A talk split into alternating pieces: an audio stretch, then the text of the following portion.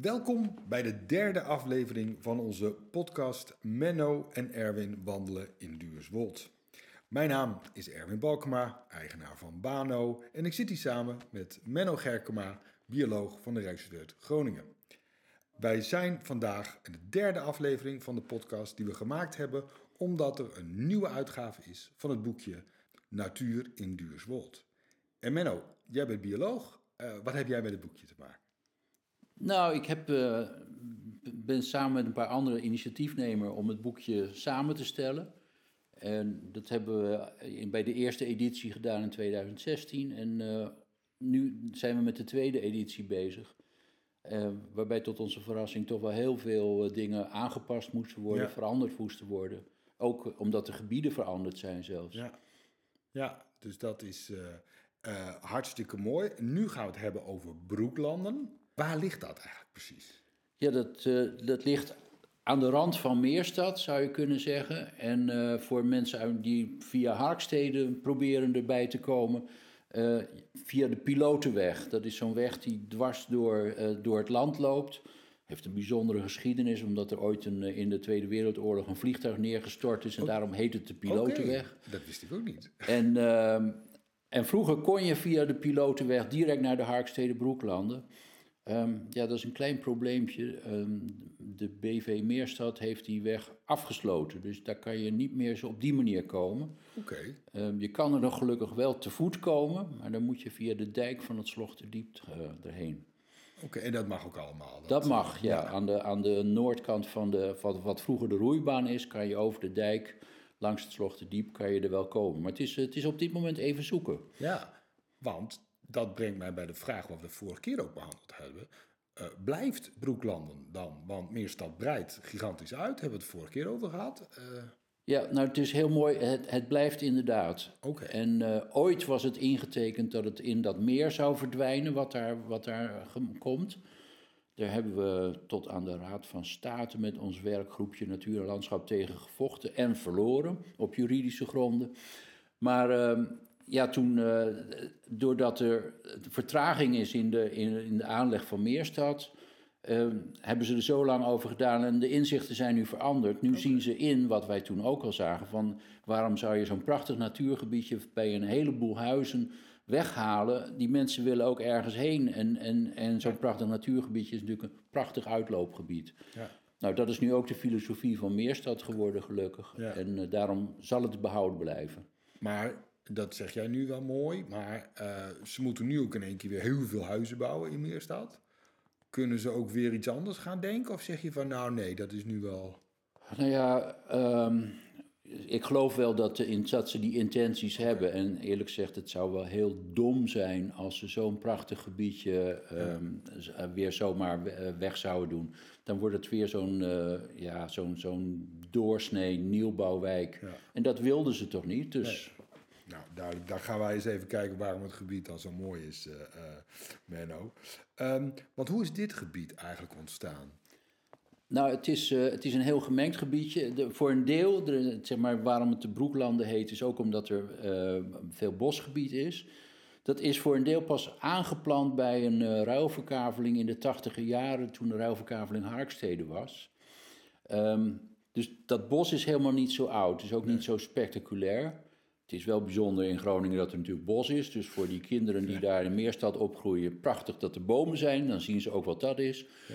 Maar um, wat wel bijzonder is, het sluit aan bij een heel bijzonder gebiedje. En dat is het gebiedje van de Kleisloot. En de Kleisloot is een, uh, is een heel oud oorspronkelijk stukje van Fivel. Dus het is een, uh, ja, de vermoeden is, is dat het minstens 10.000 jaar oud waterloopje is. Okay. En dat is eigenlijk van een ongekende landschappelijke kwaliteit en historie. En het is bovendien hartstikke mooi. Ja. Even uh, kritisch, maar goed, het is 10.000 jaar oud, zeg jij, of kan hè, dat loopje. Is dat echt interessant? Of, of... Nou ja, dat is. Ik vind eigenlijk als je weet wat de geschiedenis van een gebied is, dan gaat zo'n gebied veel meer leven. En uh, wat wij niet ons realiseren is dat hele gebied van, van Duurswold, daar speelde de, die rivier de Fivel vroeger een enorme rol. En de Fivel moet je een beetje vergelijken met, met een rivier à la de Donau of de Rijn. Dat was een, in, zeker als het wat ho- hoger waterstanden waren, was het een gigantische rivier. Ja, dat, dat is hier en daar, als je go- goed kijkt, nog net allemaal terug te zien in het landschap. We zullen later de Slochter en de Scharme E zijn. Dit zijn ook takjes van het Fivel-systeem. En dit Kleisloot ja, is een gedocumenteerd heel oud stukje van dat systeem. Jij, jij noemt nu Fivel. Daar denk ik ook even aan het Fivel College. En Ja. dat zijn allemaal namen. Het zijn daarvan- allemaal namen die Ja. dus, dus in, de, in de naamgeving in de hele provincie komt dat Fivel voortdurend terug. Fivelingo, op alle mogelijke manieren is dat Fivel eigenlijk, ja, dat is een, een oerbegrip voor dit stuk van Groningen. Ja, grappig. Dat is, eh, dat is toch weer interessant hoe zo'n naam dan ook weer zo oud dan toch terug blijft. eh, Ja, zeker. Dat is, Ja. eh, ja. Ehm, nou, gelukkig kunnen we dus nog wel net komen als je wat moeite doet. Eh, Ja. ehm, maar dan loop je daar. Wat zie je dan? Nou, dan zie je dus eh, eh, een paar hele mooie weilanden. Die zijn vroeger goed beheerd met, met schapen, groot, mooi kort gehouden. Daar is een hele rijke vegetatie. Je ziet dus dat waterloopje er doorheen. Ehm, in het voorjaar hoor je het zachte gebrom van, van heikikkers. Wat heel bijzonder is, dat zijn blauwe kikkers. Mannetjes die zijn helemaal blauw, eh, geverfd in, eh, in het voorjaar.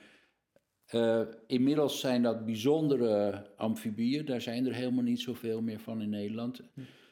En als je heel veel geluk hebt, dan moet je in de schemer zijn, dan zie je ook een, een grote, een beetje zwart-witte spitsmuis rondlopen. Dat is de waterspitsmuis. En dat is een absolute rode lijstsoort. Oké.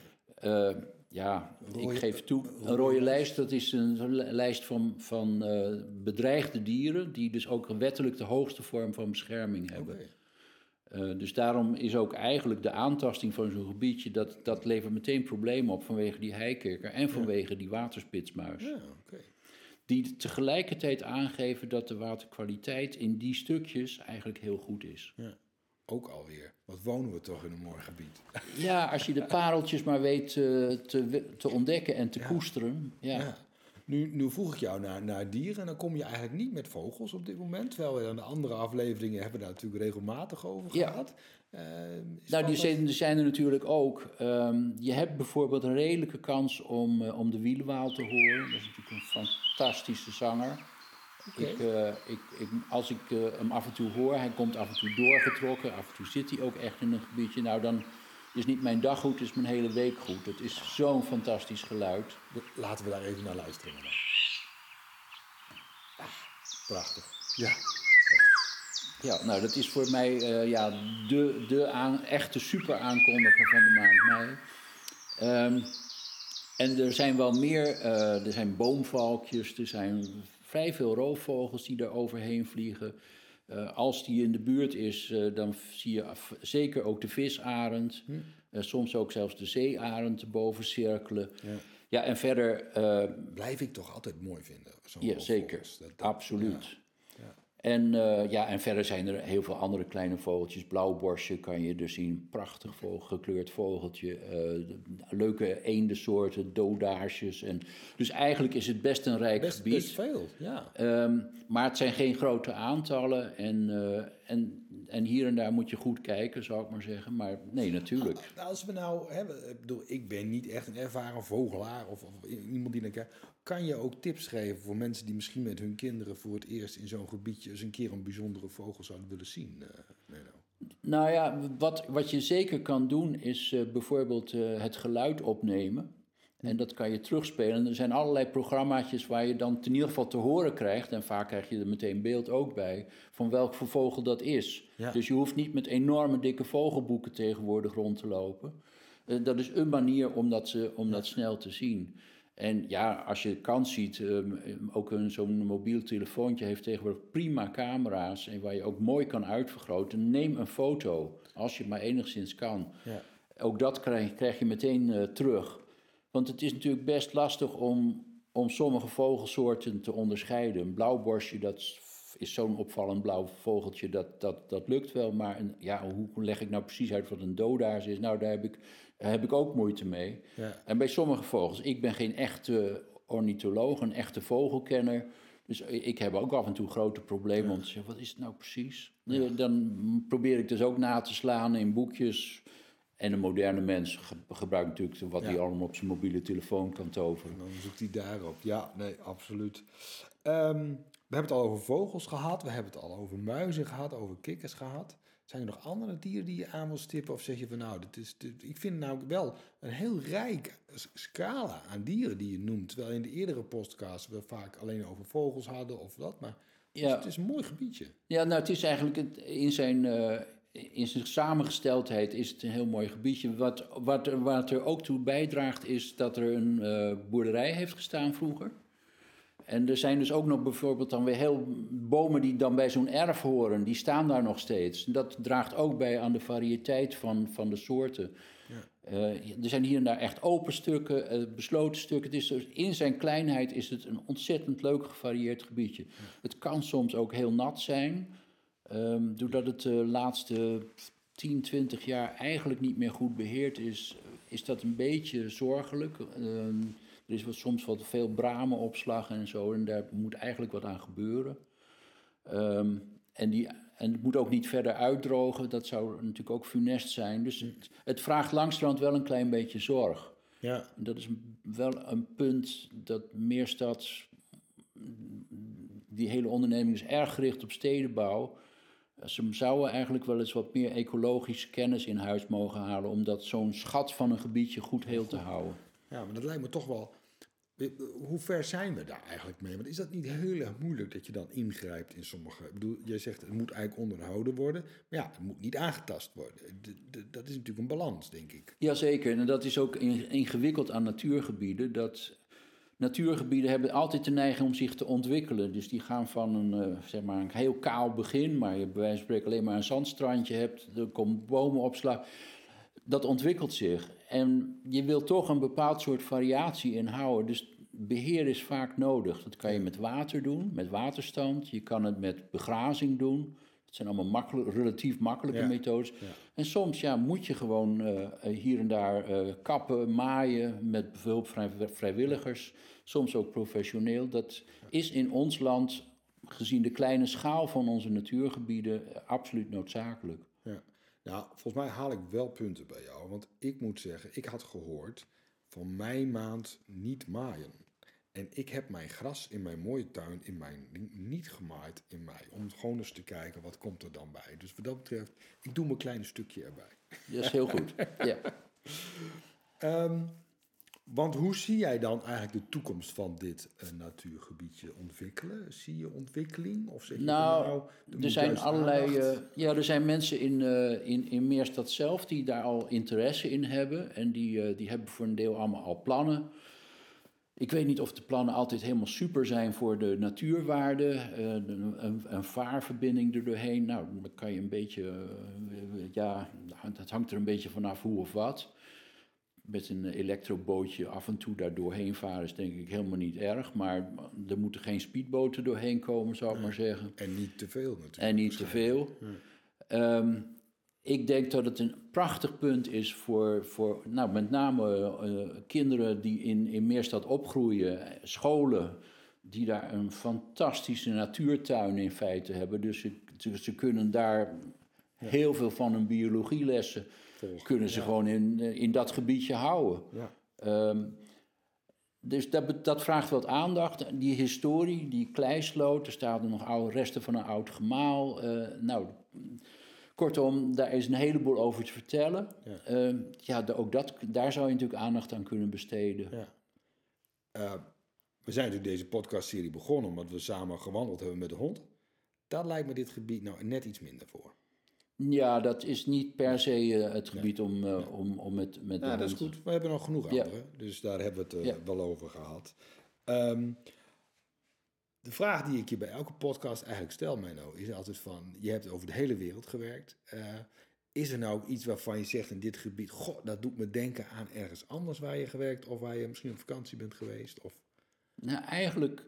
Ik, heb, ik, ik had een beetje gerekend op deze vraag... omdat je die al eerder zo gesteld had eigenlijk ben ik hier niet op iets uitgekomen, omdat ik niet van andere gebieden die, die landschapsgeschiedenis zo goed ken.